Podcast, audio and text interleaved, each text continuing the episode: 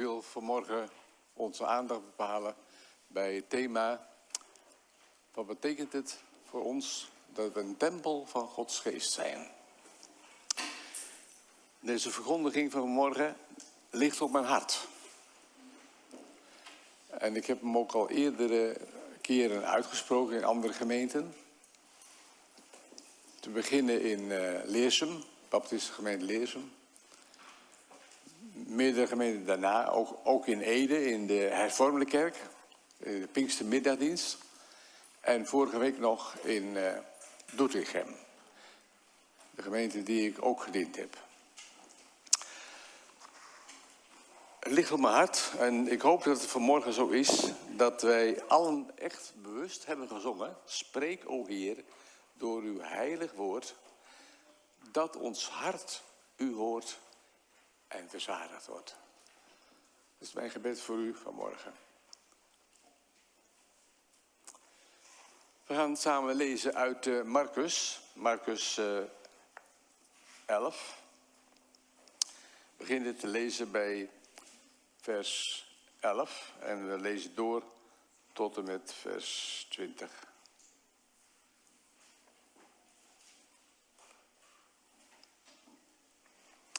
En de volgende dag, toen zij uit Betanië gingen, kreeg hij honger. En toen hij in de verte een vijgenboom zag die bladeren had, ging hij erheen om te zien of hij er ook iets aan kon vinden. En erbij gekomen vond hij niets dan bladeren, want het was niet de tijd voor vijgen. En Jezus antwoordde en zei tegen hem, Laat niemand meer vrucht van u eten in eeuwigheid. En zijn discipelen hoorden het. En ze kwamen in Jeruzalem en toen Jezus de tempel binnengegaan was, begon hij hen die in de tempel verkochten en kochten naar buiten te drijven. En de tafels van de wisselaars en de stoelen van hen die de duiven verkochten, keerde hij om. En hij liet niet toe dat iemand enig voorwerp door de tempel droeg. En hij gaf onderwijs en zei tegen hen, staat er niet geschreven, mijn huis zal een huis van gebed genoemd worden voor alle volken. Maar u hebt er een rovershol van gemaakt. En de schriftleerden en de overpriesters hoorden het en zochten naar een manier om hem om te brengen. Want ze waren bevreesd voor hem, omdat heel de menigte versteld stond over zijn onderricht.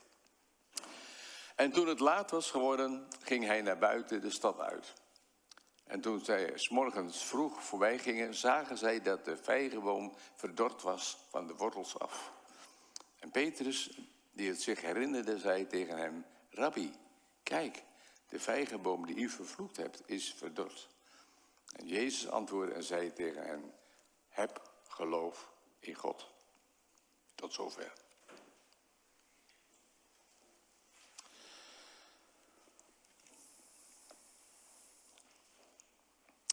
Heel veel mensen vinden die, die geschiedenis van de tempelreiniging een beetje apart.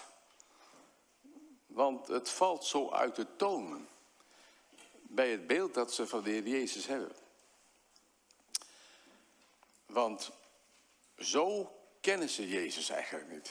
Een man die in zijn eentje de hele tempel schoonveegt. Is dit dan wel de Heer Jezus die zachtmoedig zich zachtmoedig noemde en nederig van hart. Is dit wel de man die met innerlijke ontferming bewogen was over de scharen zonder herder? En dat kan natuurlijk kortsluiting opleveren. Want we hebben toch allemaal liever een Jezus met zijn mededogen, met zijn ontferming, met zijn barmhartigheid, dan een ontketende ordeverstorer. Hier in het Marcus-evangelie vindt de tempelreiniging plaats vlak voor Jezus' kruisiging. En dan is die kruisiging mede rechtstreeks een gevolg van uh, het gebeuren op het tempelplein. Want de maat was gewoon vol bij de Joodse autoriteiten. Het geduld was op. Dit kon niet langer meer. Het bracht de autoriteiten tot razernij. En dan zie je hoe het net zich gaat sluiten om Jezus heen. En dat hij zijn leven aan het kruis gaat eindigen. Van dit gebeuren gaat het bijna linea recta naar Golgotha. Maar hoe komt de Heer Jezus ertoe om zo orde op zaken te stellen? Kortweg gezegd gaat het hierom. Het wordt hem gewoon te veel. Zoveel pervertering, zoveel ontheiliging, zoveel verwording van de tempeldienst gaan hem aan het hart. En dan strooit hij de, de, de, de, het geld van de wisselaars strooit hij over de grond en de munten rollen alle kanten op. Hij keert de tafels om en hij roept de duivenverkooplieden om maar te vertrekken. Want het huis van zijn vader mag niet een roversel worden. En het was het geworden inmiddels. De tempel was namelijk een bedrijf geworden. Een verdienmodel, zouden wij zeggen tegenwoordig. Dat gerund wordt door een aantal priesterfamilies die er grof geld aan verdienden. Want ze hadden de, de dierenmarkten in handen. En de mensen konden bij hen offerdieren kopen. En dan hoefden ze niet met al die dieren te lopen sjouwen en zeulen van Capernaum bijvoorbeeld naar Jeruzalem. Maar ze konden het aanschaffen, die offerdieren, op de plaats waar ze ook eh, moesten zijn. En de geldwisselaars, ja, die, eh, die zaten daar omdat ze, uh, zij hadden speciaal tempelgeld. Want je kon natuurlijk niet de tempel ontwijden door Romeins geld te gebruiken met de beeldenis van de keizer van Rome erop. En uh, ja, de mensen die dat deden, die geldwisselaars, die die kraampjes van de zonen van de hoge priester Annas. En deze hoge heren vroegen hoge huren, zodat die priesterfamilies ook oneindig rijk werden en welvarend. Want ze genereerden allerlei inkomsten uit die handel. En dan met Pasen was het een hoogtij. Want dan stroomde Jeruzalem vol mensen en er waren de prijzen tot grote hoogte gestegen. Ja, zeiden die mensen, die wisselaars, dat is nou eenmaal het, uh, het spel van vraag en aanbod, het mechanisme van de markt. En zij konden er per slotverrekening ook niks aan doen. En de hele voorhof der heidenen, dat is een deel van het tempelplein, een plaats van stilte en voorbereiding, was vergeven van luidruchtigheid en winstbejag. Voordat je überhaupt als Jood verder kon gaan naar het eigenlijke gedeelte waar zij welkom waren als Joden, naar het wasvat en naar het brandofferaltaar. Moest je al op, in de voorhof der heidenen moest je al stil worden. Stil, vol, vol ontzag voor God. Voor de ontmoeting met de levende God. Maar die plaats van stilte, van concentratie en van toewijding was ver te zoeken. Het werd ook wel de voorhof der heidenen genoemd. Want ook niet-Joden mochten daar komen, op die voorhof, in die voorhof. Het gedeelte voor de Joden was apart, was afgeschermd. Maar daar waren ook heidenen welkom. Dat was, dat was volgens de Heere God, dat was de wens van de Heer God. Dat ze daar ook in konden participeren, in de aanbinding van de naam van Israëls God. God had het zo gewild en bedoeld. En zo lezen we dat ook bij de profeet Isaiah. Het zou een bedehuis zijn voor alle volken. En voor het geruchtmakende gebeuren van de tempelreiniging was de Heer Jezus al in de tempel. Uh, er gaat een gebeurtenis aan vooraf. Want als je goed kijkt, eh, begint hoofdstuk 11 met de intocht in Jeruzalem. En dat is die glorieuze intocht dat Jezus zit op het jong van een ezelin, een veulen. En dan spreiden mensen hun kleren op de weg, plukken takken van de bomen en roepen luidkeels, Hosanna, gezegend hij die komt in de naam van de Heer. Gezegend het koninkrijk van onze vader David, dat komt in de naam van de Heer. Hosanna in de hoogste hemelen. En dan gaat Jezus Jeruzalem binnen. Ja, en dan is dat het moment dat het daar gaat gebeuren. Maar er gaat eigenlijk nog iets vooraf. Ehm, dus dat moeten we ook nog goed bekijken. Want er staat dat hij Jeruzalem binnenkwam, eh, de tempel inging en dat hij daar alles rondom bekeken had. Bekeken had. En dat heeft de betekenis van goed rondzien, in zich opnemen, observeren, gadeslaan. Wat gebeurt er allemaal? Hij heeft het allemaal waargenomen. Die verwording, die pervertering. En toen besloot hij om samen met zijn discipelen naar Betanië te gaan. Daar de nacht door te brengen. Waarschijnlijk bij uh, Martha en Maria en Lazarus.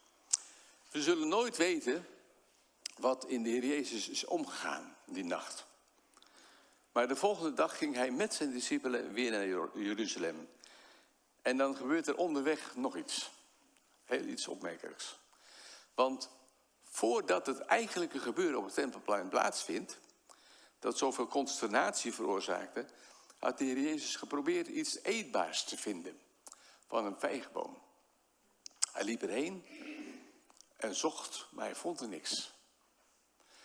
Er staat ook bij in de tekst van, was niet de tijd van de vijgen. Ja, dat is ongeveer juni, juli.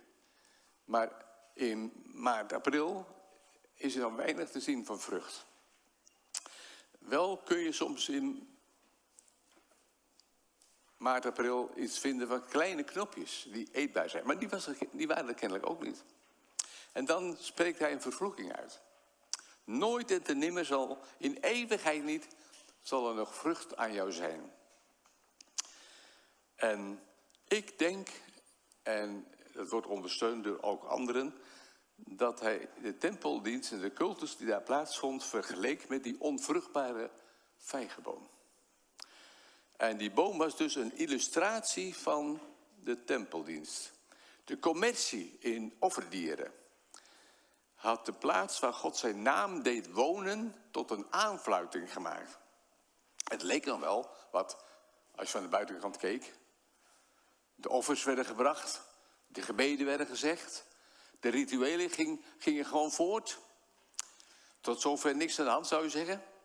Maar het was allemaal schone schijn. Een loze bedoeling, een rovershol.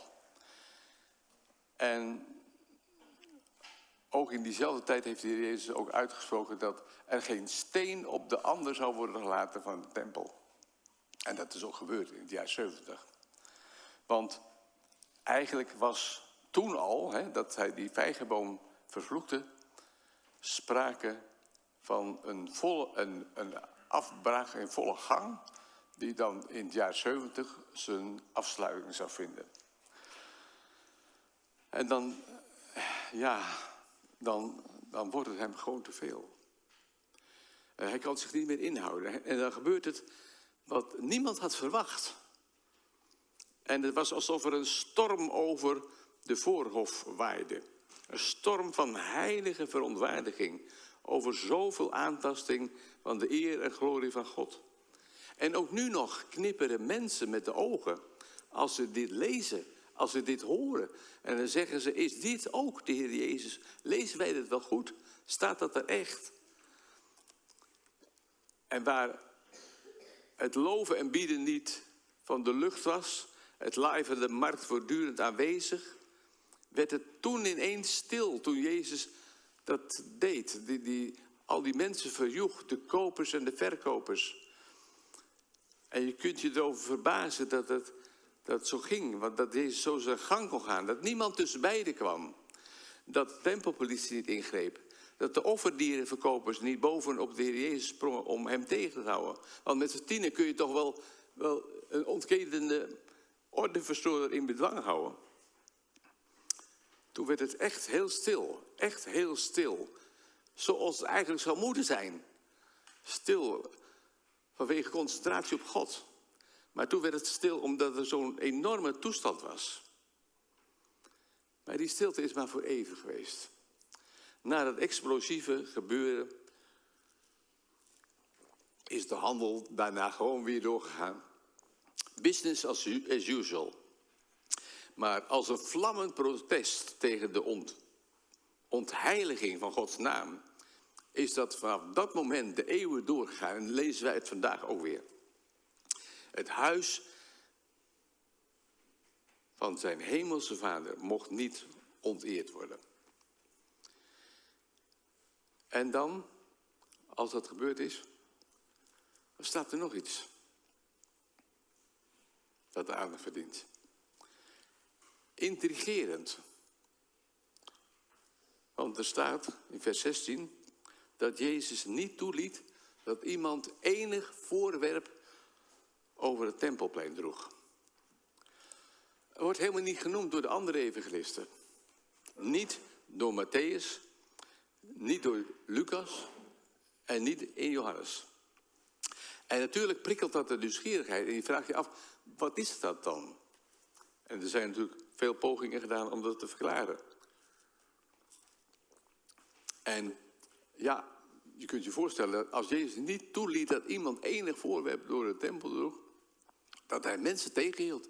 Dat hij zei, nee, nee, niet doen. Want dat kan niet, dat mag niet. Want hij keert zich dus nu ook tegen dat geloop. Dat oneigenlijke geloop over het tempelplein. Want dat is voor hem eveneens ontwijding en ontwering van de Shekinah, van de heilige tegenwoordigheid van God. Want de Jeruzalemmers vertikten het soms om een omweg te maken. Want het tempelplein, dat, dat besloeg een, een groot deel van Jeruzalem hoor. En nou ja, voor het gemak stak men ook wel eens het tempelplein over. Dan ging men door de oostpoort naar binnen, over het tempelplein. En dan verliet men het tempelplein weer door, door de westpoort naar buiten. Zo namen ze een kortere weg, een afsnijmogelijkheid. Zoals wij ook dat wel hier in Nederland kennen. Van, van die grasveldjes of eh, die plantsoentjes. Waar je op de hoeken van die afsnijpaadjes ziet. Dat mensen dat, dat afsnijden. Dat. En dan uh, is dat ook voor het gemak.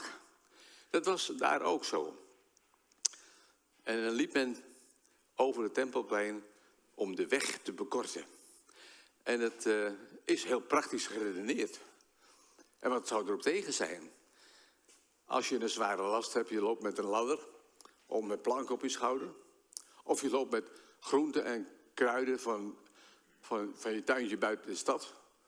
Zoals uh, Jozef, nee, dat was Simon van Sirene, die had het ook. Uh, dat, dat, dat, scheelt een hoop hoor, als je dan even iets kunt afsnijden. Een makkelijke sluip door en kruip route. Maar Jezus zag dat als een respectloze manier van doen. Een oneigenlijk gebruik van de tempel van God. Het deed God tekort in zijn eer en waardigheid.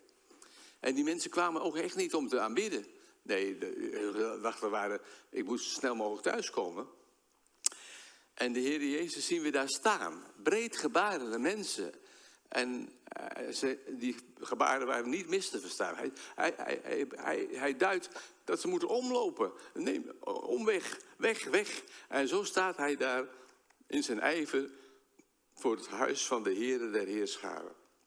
Die nonchalance, die achterloosheid van mensen, die was voor hem ergerniswekkend.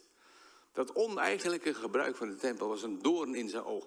Zo gaat het niet, zo gaat het niet. Omlopen moet je, omlopen. Zo ga je toch niet met de hoogheilige God om.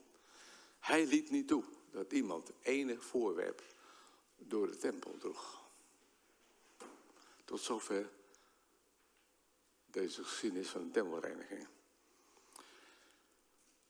En nou is de tempel niet alleen een prachtige plek geweest in Jeruzalem.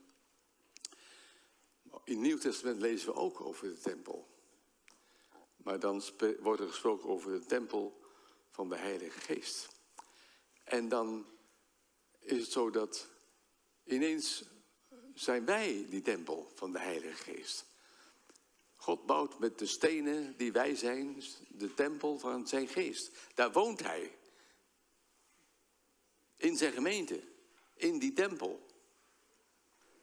Opvallend dat het woord tempel zo vaak voorkomt. Weet u niet dat u een tempel van God bent en dat de geest van God in uw midden woont? Paulus zegt dat in 1 Korinthe 3, vers 16. Ik lees dat even voor.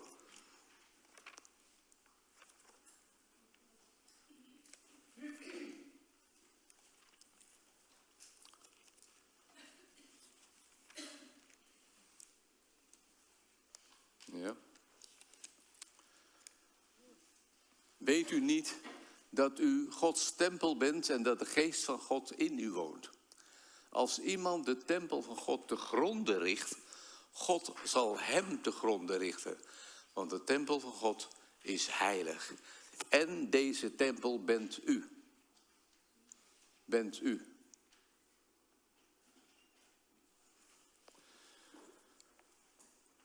Ja, um, je kunt dus de tempel niet zomaar aantasten zonder dat er repercussies op volgen. Wie Gods tempel schendt, God zal hem schenden. Er in de Statenvertaling heeft wie de tempel God te gronden richt, God zal hem te gronden richten. Want de tempel van God is heilig en dat bent u. En dan even verderop in diezelfde brief, in hoofdstuk 6, wordt weer over de tempel van, uh, van God gesproken. Tempel van de Heilige Geest. En dat, dat lezen we dan in, hoofd, in hoofdstuk 6, vanaf vers 12. Dan wordt het allemaal gezegd. Weet u niet, in vers 15, weet u nu dat uw lichamen leden zijn van Christus? Ik zal de, de leden van Christus nemen en die maken tot leden van een hoer. En dan is dat weer onder het thema van de tempel. Tempel van de Heilige Geest. Vers 19, weet u niet dat uw lichaam een tempel is. Lichaam een tempel is van de Heilige Geest die in u is en die u van God hebt ontvangen. En dat u niet van uzelf bent. Mensen, dat moet toch, tot, ons doordringen. Um, en vooral in hoofdstuk 6 is dat wel heel uh, bijzonder. Want dan is het dat ons lichaam, onze, onze fysieke existentie, is een tempel van geest. Niet alleen de gemeente, de, de kinderen Gods samen zijn een tempel Gods geest. Maar ik en u bent een tempel van, de God, van Gods geest. In u woont de heilige God. Daar is hij tegenwoordig. En je kunt er dan maar niet op losleven, zegt Paulus. Je kunt niet seksueel allerlei eh, vrijheden je veroorloven. Want je bent duur gekocht. Verheerlijk God dan met je lichaam zegt hij uiteindelijk in vers 20. Je kunt niet één zijn met een prostituee, daar gaat hij echt op in. Niet één zijn met een hoer. En tegelijkertijd ook christen zijn. Je kunt niet Gods geest in je laten wonen en er maar op losleven, moreel. Dus dat is al een bijzondere waarheid. Dat onze gemeente, de gemeente, een tempel is voor Gods geest. En ook ons lichaam. Wij zijn als gelovigen, en daar worden we ook toe opgeroepen, om heilig, onberispelijk, zonder vlek of rimpel te leven. God legt een hoge maatstaf aan voor zijn kinderen. Hij neemt niet genoegen met minder. En zijn we daarvan wel voldoende bewust in onze levenspraktijk? Dat, dat, dat, dat, dat God niet kan toelaten dat wij enig voorwerp door die tempel dragen die daar niet thuis hoort. Die oneigenlijk is, die zondig is. Maar ja, wat zijn dan die voorwerpen? Wat bedoelt hij dan? Hm? Paulus noemt een aantal zaken die te lezen zijn in 1 Korinthe 6, vers 9 en 10. En ik, ik moet u eerlijk zeggen, dat ik durf bijna die de woorden niet te lezen. Omdat het in deze tijd bijna niet kan. Hij zegt, dwaal niet, ontuchtplegers, afgodendienaars, overspelers, schandknapen, mannen die met mannen slapen, dieven, hebzuchtigen, dronkaards, lasteraars en rovers zullen het koninkrijk van God niet beërven. Nou, dat is nogal wat. Um, veel van wat hier staat, dat speelt zich af op het terrein van de seksualiteit. En als ik het goed zie, dan is dat ook soms de werkelijkheid van vandaag. Maar ook in Korinthe was het toen zo. Dat veel van die dingen zich afspelen op het terrein van seksualiteit. Ontuchtplegers, overspelers. Dat, dat, daar bezondigen mensen zich aan.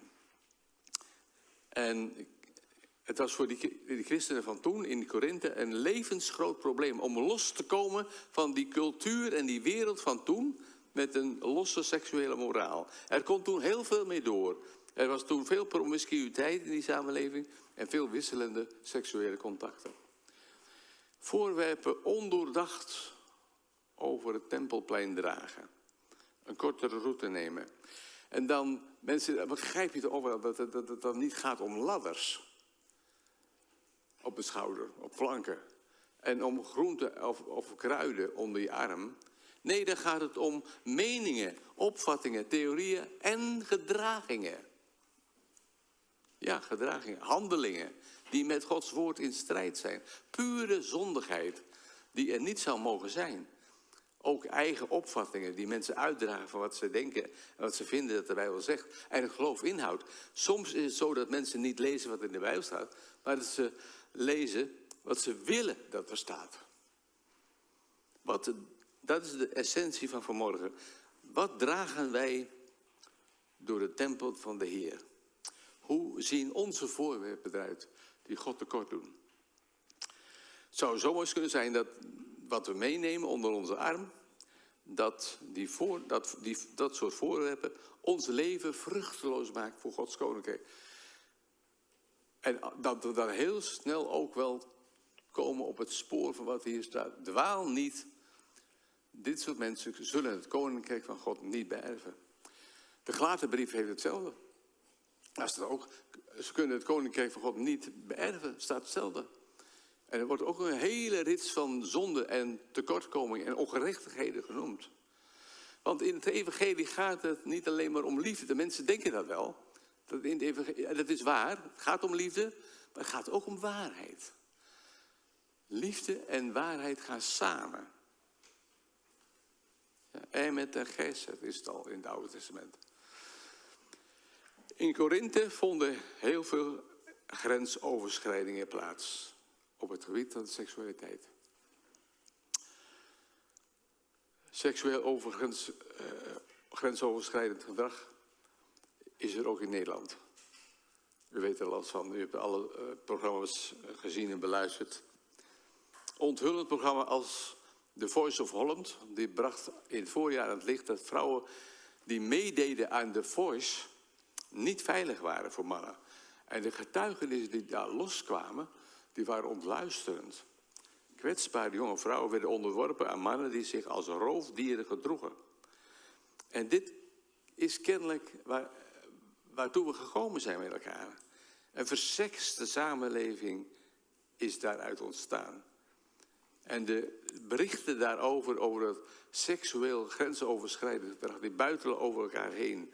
In de, in de uh, sportwereld, in de toneelwereld, in de filmwereld, in de academische wereld. Ja, waar is het niet? Het is kennelijk overal. Vrouwen in afhankelijkheidspositie moesten soms over eigen grenzen gaan om vooruit te komen, om toekomst te houden. Ze kochten die toekomst met hun lichaam. Mannen hadden macht over ze. Maar laten wij ons niet rijk rekenen. We kunnen wel doen alsof dit aan ons gewone christenen voorbij gaat.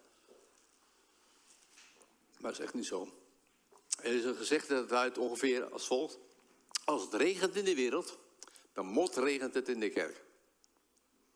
Als het regent in de wereld, dan mot regent het in de kerk. Nou ja, zegt u misschien. Dat is toch iets minder, motregen? Nee, je wordt er net zo nat van. Je wordt er net zo nat van. In de christelijke wereld gebeurt het machtsmisbruik door leiders van kerken, dominees, priesters. Die met blindheid lijken te zijn geslagen. Die net doen alsof ze Gods woord inlezen.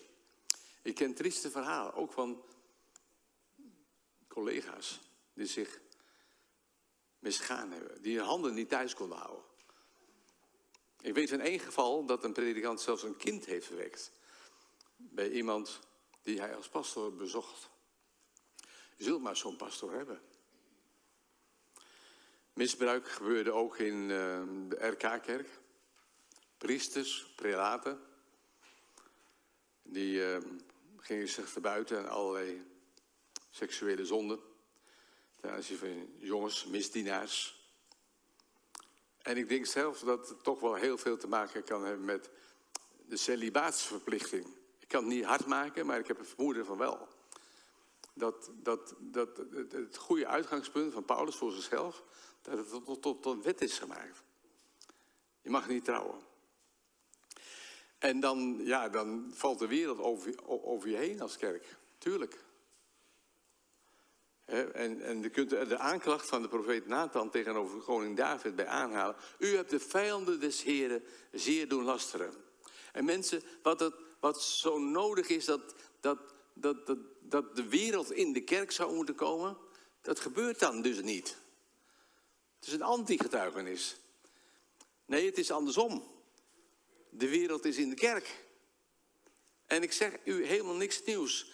Ik denk dat de christelijke gemeente langzamerhand de weg is kwijtgeraakt. In een wereld die het christelijk geloof niet begrijpt en steeds afwijzender wordt, maar die wel binnendringt, infiltreert. En druk komt niet alleen maar van buiten hoor, het komt ook van binnen, want ook gelovigen weten het allemaal niet meer zo zeker en gooien alles overboord.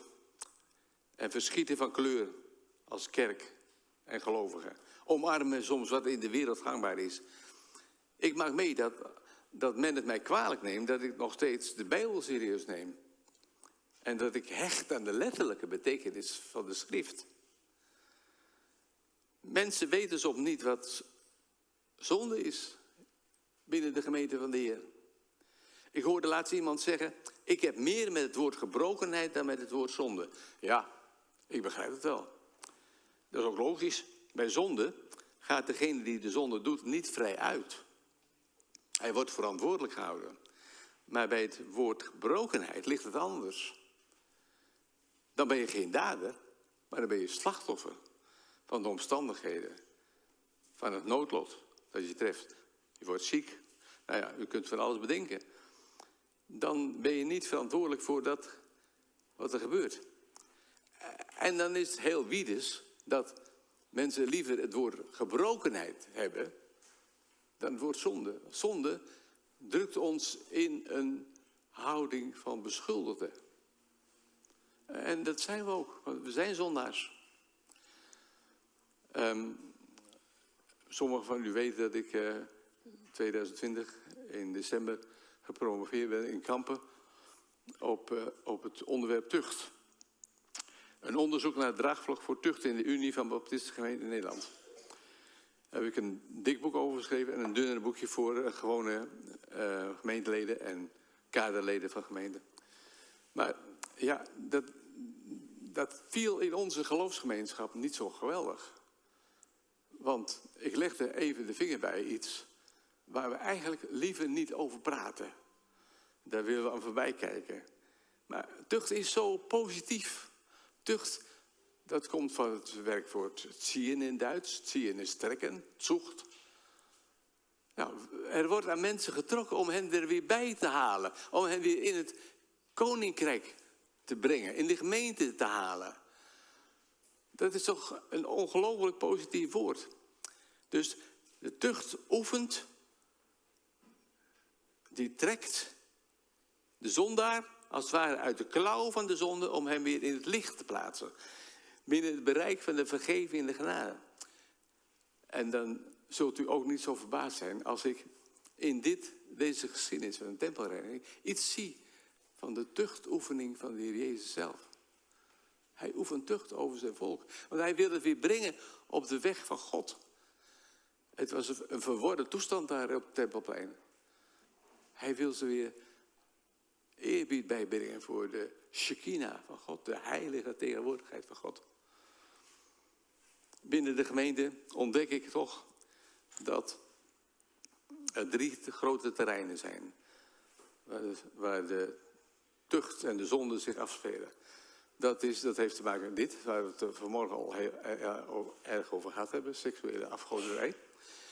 Het tweede terrein is dat van het geld. En het derde terrein van, van de macht. En dat zijn onderwerpen waar het in de huidige tijd op aankomt. Geld, seks en macht. Ik voorzie dat een aantal zaken op de spits zal worden gedreven. Je hoeft er geen profeet voor te zijn om te zeggen dat er een scheiding komt tussen de seculiere wereld en de christelijke wereld. En als ik dan toch nog iets profetisch durf te zeggen vanmorgen, dan is het dit. Wat als de macht van de genderideologie zich ten volle ontvouwt? En dan ook in de gemeente van Christus. Een collega van mij zei onlangs in zijn preek dat binnen tien jaar mogelijkerwijs de Bijbel een verboden boek zal worden, omdat men het niet meer verdraagt. Dat in het begin van Genesis staat dat God mannelijk en vrouwelijk schiep. Mannelijk en vrouwelijk. Twee mogelijkheden. M en V. Maar ja, we hebben nu een cultuur en een wereld waar we in leven. L, H, B, T, I, Q, plus. En er zijn negen letters, heb ik me al laten vertellen. Maar de Bijbel kent alleen maar M en V. En dat betekent niet dat we die mensen moeten verachten. we moeten ze wel lief hebben en zien. Maar we moeten ze ook blijven aanspreken. Want dat is mijn, de titel van mijn boek. Elkaar aanspreken. Op de weg van heiliging. De weg van puur en rein voor Gods aangezicht te zijn. We krijgen soms een heel nieuw vocabulaire aangereikt. Ik wijs op het woord verbinding. We moeten zoeken naar verbinding, wat het ook maar is. En als we zoeken naar verbinding, ja, ja, dan gaan de scherpe randjes er wat van af. En we moeten zoeken naar inclusiviteit. Dat is een ander woord van een nieuwe vocabulaire. En ik kan er niet in meekomen. Ik kom niet mee in die flow. En natuurlijk vroeg ik me af, waarom ben ik niet een regenboogdominee? Waarom kost het mij zoveel moeite om de variatie en diversiteit, want zo wordt het allemaal genoemd, te omarmen? Waarom denk ik nou niet, wat doen we nou zo moeilijk? Geef nou toch al die mensen de ruimte om volwaardig mee te doen in de gemeente van Christus. En niet hen het gevoel te geven dat ze niet geaccepteerd worden. Als ik het antwoord mag geven, is het dit. Ik kan niet marchanderen. En ik kan niet manipuleren met bijbelteksten. Ik kan niet zeggen, nou ja, Paulus zegt dat hier nou wel. Maar hij kende het verschijnsel niet van in liefde en trouw. Maar de kernvraag is, wat sjouwen wij mee aan gedachten, ideeën, opvattingen? En waarmee infiltreren wij de gemeente? Mijn eigen gemeente is al zo ver gegaan dat ze de LBTH-mensen verwelkomen. Daar heb ik heel veel verdriet van. Als ik nou geen christen zou zijn. En ik zou de Bijbel niet serieus hoeven nemen. Dan zou ik zeggen, mensen, doe maar. Ga je gang. Allemaal prima. Wat er ook gebeurt. Hoe meer zielen, hoe meer vreugd. Iedereen is welkom, iedereen mag erbij horen. En dan hebben we het niet meer over zonde, maar hebben we het alleen maar over gebrokenheid. Dan ben ik een regenboogdominee. Kom er maar bij met alle variaties die denkbaar zijn. Maar ik kan het niet. En het is niet een kwestie van niet gunnen. Het is niet een kwestie van niet gunnen, maar van niet kunnen. Ik kan het niet. En ik weet dat het heel riskant is om deze dingen te zeggen in het openbaar. Gevaarlijk zelfs. En ook al ontleen je dan echt alles aan de schrift en de Bijbel, uh, maar het mag gewoon niet meer gezegd worden. Je wordt dan voor homofoob versleten. Je bent dan zelfs in je eigen kring, hè? je eigen gemeente zelfs, geen gerespecteerd iemand meer. Maar dan zie ik toch de Heer Jezus staan. Breed gebaren naar al die mensen die met spullen rondlopen. Over het tempelplein, de weg afsnijden. En dan zegt hij, of hij gebaart, niet door de tempel. Niet door de gemeente van de Heer. Niet door de kerk van Christus. Ik voel dat soms als een spagaat. Heb ik dan die anders geaarde medemensen niet lief? Wat mankeert er aan mij? Heb ik misschien dan wel een blinde vlek? Het is wel verweten dat ik een verkeerde hermeneutiek heb. Ik zou veel meer de context van toen moeten, moeten beschrijven, de context van nu. En dan kom je er wel, zeggen ze dan tegen mij. En ik zou ook meer barmhartigheid moeten hebben. Met mensen die te maken hebben met deze gebrokenheid. Ik merk, mensen, dat binnen de christelijke wereld veel verwarring en onzekerheid is. En ook in de kerken weet men het niet meer zo precies. We hebben te maken met de inclusiviteit. Iedereen hoort erbij. We denken inclusief. Jij hoort erbij en ik hoor erbij. Het is de, als de leus van D66. We laten iedereen vrij en niemand vallen. Als je mag spreken van een algemeen levensgevoel, dan is dit het wel. Alles mag en niets is raar. Doe wat bij je past. Ja, daar word ik wel helemaal akelig van, van zulke uitdrukkingen. Doe wat bij je past. Nou ja, kijk maar. Kijk maar wat je doet. En ook een gemeente kan daar zomaar aan gaan leiden. Dat is mijn eigen ervaring. Niemand wordt buitengesloten. Alle diversiteit toegejuicht. Maar christelijke uitgangspunten vasthouden. De scheppingsorde vasthouden. Dat is straks, nu al misschien, straks zeker niet meer acceptabel. En je voelt je gevangen van al die invloeden, van al die machten. En ze werken op je in. En je weet niet waar het op uitloopt. Al denk je wel, ja, maar alles is in beweging. En je voelt je er niet comfortabel bij. En je bent er niet gerust op. Maar er is een beweging gaande. Er is een beweging gaande. En die beweging is van God los worden.